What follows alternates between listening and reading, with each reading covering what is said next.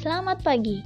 Berita hadir dari dunia olahraga di mana timnas Indonesia dipastikan melaju ke final Piala AFF 2020 setelah mengalahkan tim sepak bola dari Singapura dengan perolehan skor 4-2 di National Stadium Singapura pada Sabtu malam 25 Desember 2021 WIB.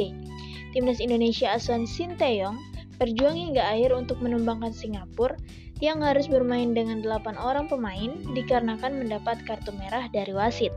Empat gol yang dicetak oleh timnas Indonesia tercatat atas nama Erta Walian pada menit ke-11, Pratama Arhan pada menit ke-87, gol bunuh diri dari Sahwal Anwar di menit ke-91, dan Egi Maulana Fikri pada menit ke-107.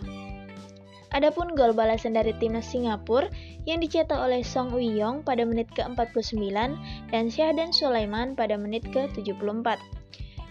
Dengan kemenangan 4-2 ini, membuat timnas Indonesia lolos ke final Piala AFF 2020 dengan keunggulan 5-3 atas Singapura. Ini adalah keberhasilan keenam timnas Indonesia melaju ke final Piala AFF 2020 atau Piala Tiger setelah 2000 2002, 2004, 2010, dan 2016. Dan untuk lawan Indonesia selanjutnya di babak final adalah antara timnas Thailand dan Vietnam. Saksikan pertandingan final tersebut pada Rabu malam 29 Desember 2021.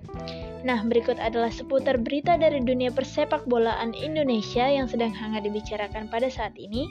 Tunggu berita-berita olahraga lainnya hanya di sini. Saya Elinas Bunga Deng Tabau. Sampai jumpa.